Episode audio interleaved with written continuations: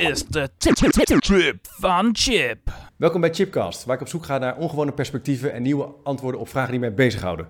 En zoals je ziet ben ik op een nieuwe plek in uh, Bloemenheuvel in Driebergen-Zeins, maar in een nieuwe studio waar ik aan het experimenteren ben met allerlei camera's. Dus als ik af en toe om me heen kijk, uh, moet je me excuseren. Ik ben in de studio met Peter Lonen. Peter, leuk dat je er bent. Heel leuk, Chip.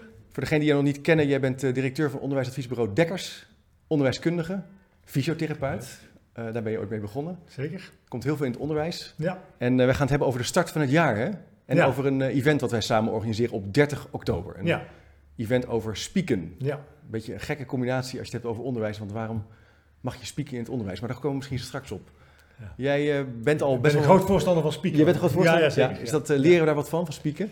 Nou ja, vooral de voorbereiding van het spieken. Volgens mij leren we daar het meest van. Oh ja, Dus dat, ja. Eh, Je eigen spiekbriefje maken en dan uh, uiteindelijk weet je het uit je hoofd. Ja. ja. Maar je bent al best wel wat scholen geweest in het mbo, uh, hbo-onderwijs. Wat Ja. is de teneur uh, dit jaar?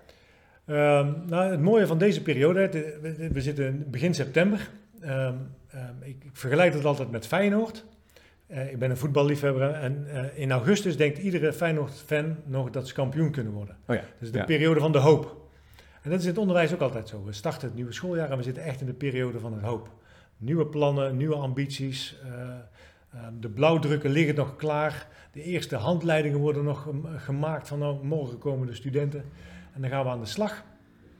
En ehm, ehm, nou, wordt vaak gevolgd door een periode van... Het is zo druk. En Ja. wat moeten we nu allemaal? Ja. En hoe krijgen we het nou echt voor elkaar? Een soort realisatie van, oh my Ja. god, het is wel... uh, Ja. ja.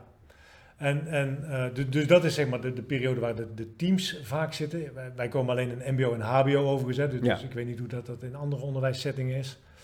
Um, de periode van de hoop. Um, inhoudelijk um, is er veel uh, gaande rondom personaliseren, flexibiliseren. Ja. Hoe kunnen we het leren weer centraal zetten? En dat vind ik wel een hele mooie ontwikkeling, moet ik Ja. zeggen. Dus dat is ook wel inhoudelijk een mooie uitdaging. Programmatisch toetsen, uh, Ja. veel erover.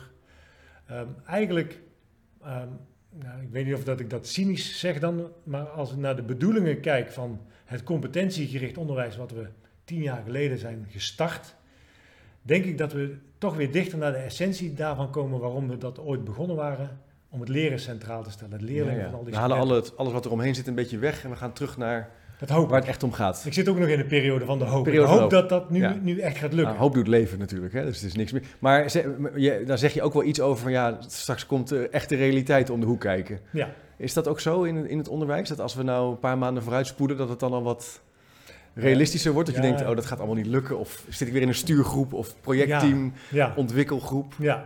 En dan is maanden is al, al echt lang. Ik denk dat dat een kwestie van weken is. Oké, ja. Ehm, al- als de eerste roosters er weer, echt toch heel vol blijken te zitten. Als er heel veel moet gebeuren nog in de toetsontwikkeling bijvoorbeeld. ja. De 1 oktober telling die er dan weer Ja, aankomt. En ja. Hoeveel studenten hebben we nou precies? ja. Hebben we, Nabellen. nabe- ja, hebben we de hele administratie in orde? Natuurlijk een, een, een waanzin ten top eigenlijk. Maar we, we zitten er wel mee.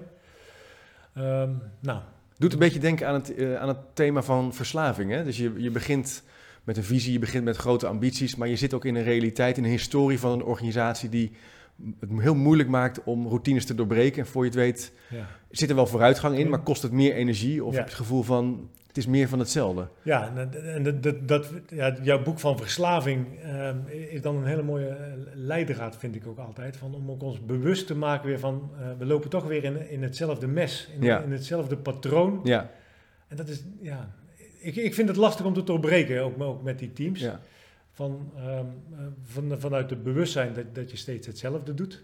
En dat je ook eigenlijk weet dat dat dezelfde uitkomsten geeft. ja.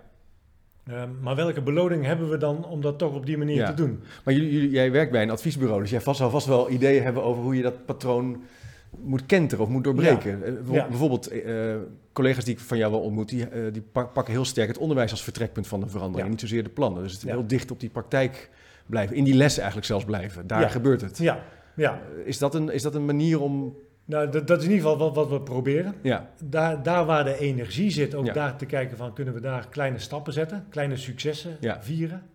Kunnen we mensen eh, uitnodigen in plaats van eh, taken toewijzen.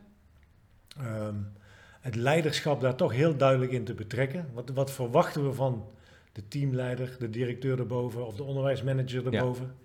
Het is niet zo dat hij een plan als opdrachtgever heeft en uh, achteruit gaat zitten. Veel succes ermee. Ik hoor wel als het klaar is. Nee, je moet echt meedoen. Je moet echt meedoen. En, en uh, dat is toch ook een hele cruciale rol in, in uh, het perspectief te geven, aandacht te geven, te faciliteren, zichtbaar te zijn. Um, maar ook het, het, bewustzijn te creëren, en dat is dan ook weer misschien wel de rol ook van de adviseur, van dit, dit gaat een keer vastlopen, zo'n zo'n innovatieproject. We weten dat we ook nog moeilijke tijden krijgen met elkaar. Ja. Um, um, ik, ik, vind dan ook het proefschrift van Suzanne van Donschot nog altijd prachtig. Hè? Van, van hoe, wat leren we nou van die vastgelopen projecten? Ja, het is eigenlijk onderdeel van de, van de vernieuwing dat het een keer stagneert. Je, dat hoort dat erbij. Hoort erbij. Ja. Ja. ja. ja. maar, toch, maar toch is dat vaak het moment Ja. dat het project stopt. Ja, je, of dat je gaat denken, nou we moeten het gaan beheersen, we moeten duidelijker de doelen opschrijven, nog een keer bij elkaar komen. Terwijl je ook kan zeggen, hey, wat leren we nou eigenlijk van, een, van als het even lastig gaat? Je zou kunnen zeggen, je, je speelt op drie borden. Het bord van de inhoud, de onderwijsvernieuwing, het bord van de partijen met wie je samenwerkt, alle partners, team, eh, misschien wat werkveld. Ja. En uiteindelijk als veranderaar, als leider zelf, wat doet het met mijzelf? Ja. Eh, Als ik bezig ben, wat vind ik leuk? Waar krijg ik minder energie van? Ja. Hoe ontwikkel ik mezelf als? Ja, en, en, en Veranderaar vanuit die rol van veranderaar, hoe, hoeveel aandacht besteed ik ook, eh, of, of kan ik voldoende aandacht besteden aan de ander? Ja, Want, want ook mijn twijfels en, en, spelen een rol in zo'n traject. ja, maar van die mensen in zo'n projectgroep of, of in een innovatieclubje net zo. ja. En, en hebben we daar voldoende eh, zicht en, en aandacht voor, ook in de dynamiek die zij met elkaar hebben.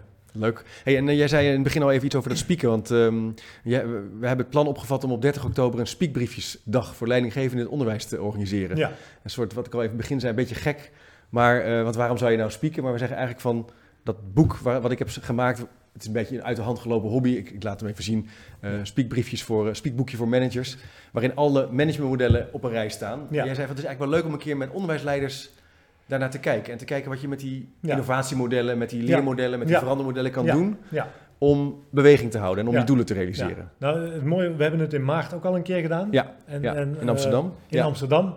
En eh, de, de combinatie van eh, eh, 99 modellen, ja, van verbeteren, innoveren, eh ken- en stuurgetallen, eh, nou, eh, al, de- die, die thema's komen aan bod in een verschrikkelijk hoog tempo. ja, Nou, dat zijn managers gewend, dus dat, is, dat vinden ze ook fijn. Hè? Dus een hoog tempo, Ja, ja. hard werken. En gekoppeld aan een eigen casuïstiek in groepjes eh, ehm, uitwerken van wat, wat zijn nou precies de dilemma's, wat zijn de vragen en hoe kom je een stap verder. ja, leuk. Dat wa- was ook heel erg leuk om te doen. Dus we, we- gaan het praktisch maken, toepasbaar maken. Maar we gaan ook wel gasten erop geven. Het is een soort MBA in één dag, maar dan anders. Ja, dat vind ik wel een hele ambitieuze doelstelling. Eh, maar daar, daar lijkt het wel op. Ja. Daar lijkt het wel op. Ja. En, en, Ja. en met een hoop energie. Ja. Veel praktijkvoorbeelden inderdaad. Ehm, eh, en, en ook echt af en toe even spieken. Ja. Van wat zegt nou precies de theorie erover? Ja.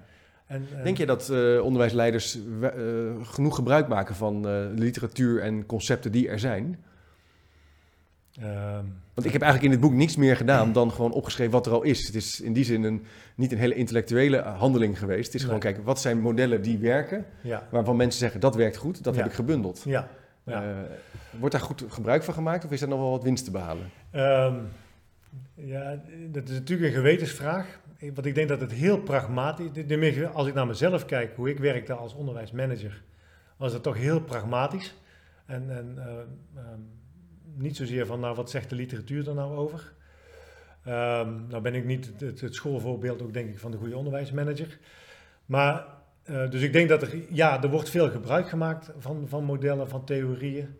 Ehm, ik denk dat de omloopsnelheid van modellen ook heel erg hoog is. Ja, Hè, du- dus dat, dat wat nu populair is, is, is eh, over drie maanden achterhaald en dan, dan is er weer een nieuw model. En, en ehm, wat, wat ik leuk vond ook op die eerste speakbriefjesdag en wat ik ehm, ook leuk vind om, om 30 oktober, als we die dag hebben, ook met elkaar te gaan doen, kunnen we ook iets over verklaringsmodel. Hè, We, we kunnen natuurlijk statistisch zeggen van dit is een goed model, want Ja. zoveel mensen gebruiken het en het is aantoonbaar ge- effectief ja, gebleken. ja. Maar ik vind het ook veel leuker om met elkaar te denken, ja, maar, maar hoe werkt het dan? ja want dus dat zou ook een verschil kunnen zijn. Sommige modellen verklaren waarom iets niet goed werkt. Ja. En zoals dat concept van verwaarlozing eh, van Joost Kampen een model is of een perspectief is om te kijken naar je werk. Ja, Of een innovatieanalyse model. En anderen hebben weer een, zijn weer bijna ontwerpprincipes. ja, Die je weer helpen om een project op de rit te krijgen of om te starten met een project. ja. Wat mij wel opvalt, ik, ik geef natuurlijk ook wel veel colleges met, en werk met onderwijsleiders samen aan vernieuwingsvraagstukken. Dat het wel heel erg helpt om zo'n kader even om ermee te spelen. Dus het is ook een manier om ermee snel eh, mee kennis te maken. Te kijken, hey, waar zit ik eigenlijk, waar doe ik het goed? Waar loop ik uit de pas? En daar zit denk ik vooral de praktische winst. Maar, Ja. Dus je moet zo'n model serieus nemen, maar ook weer niet te serieus nemen. Het is een soort, nee, ja, daar moet een beetje snelheid in zitten. ja, ja. ja. Oké, leuk. Dus dat gaan we 30 oktober doen. ja. eh, om die, eh, die start, eh, die hoop vast te houden. Ja, en, en tot, tot realiteit te brengen. Ja. Dat, daar gaat het natuurlijk uiteindelijk om. Dat, dat, dat we, nou, het is nu september, dus we zitten net na de zomervakantie, maar dat de volgende zomervakantie Ja. Ehm, ook weer ingaan met, we hebben echt heel veel gerealiseerd met elkaar. Ja. Lang niet alles is gelukt, we hebben een hoop geleerd, maar we hebben ook heel veel gerealiseerd. Leuk. En, en dat is volgens mij eh, hetgeen wat ik al die onderwijsleiders, alle docenten, maar vooral ook toch de studenten heel erg gun dat er meer gerealiseerd wordt. Super.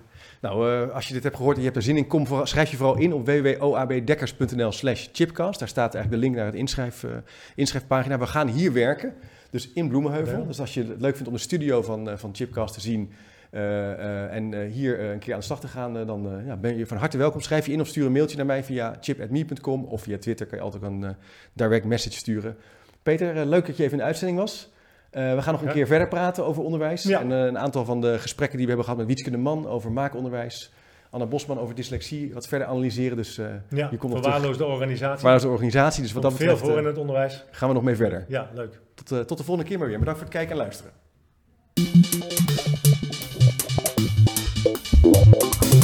Dit is de Trip van Chip.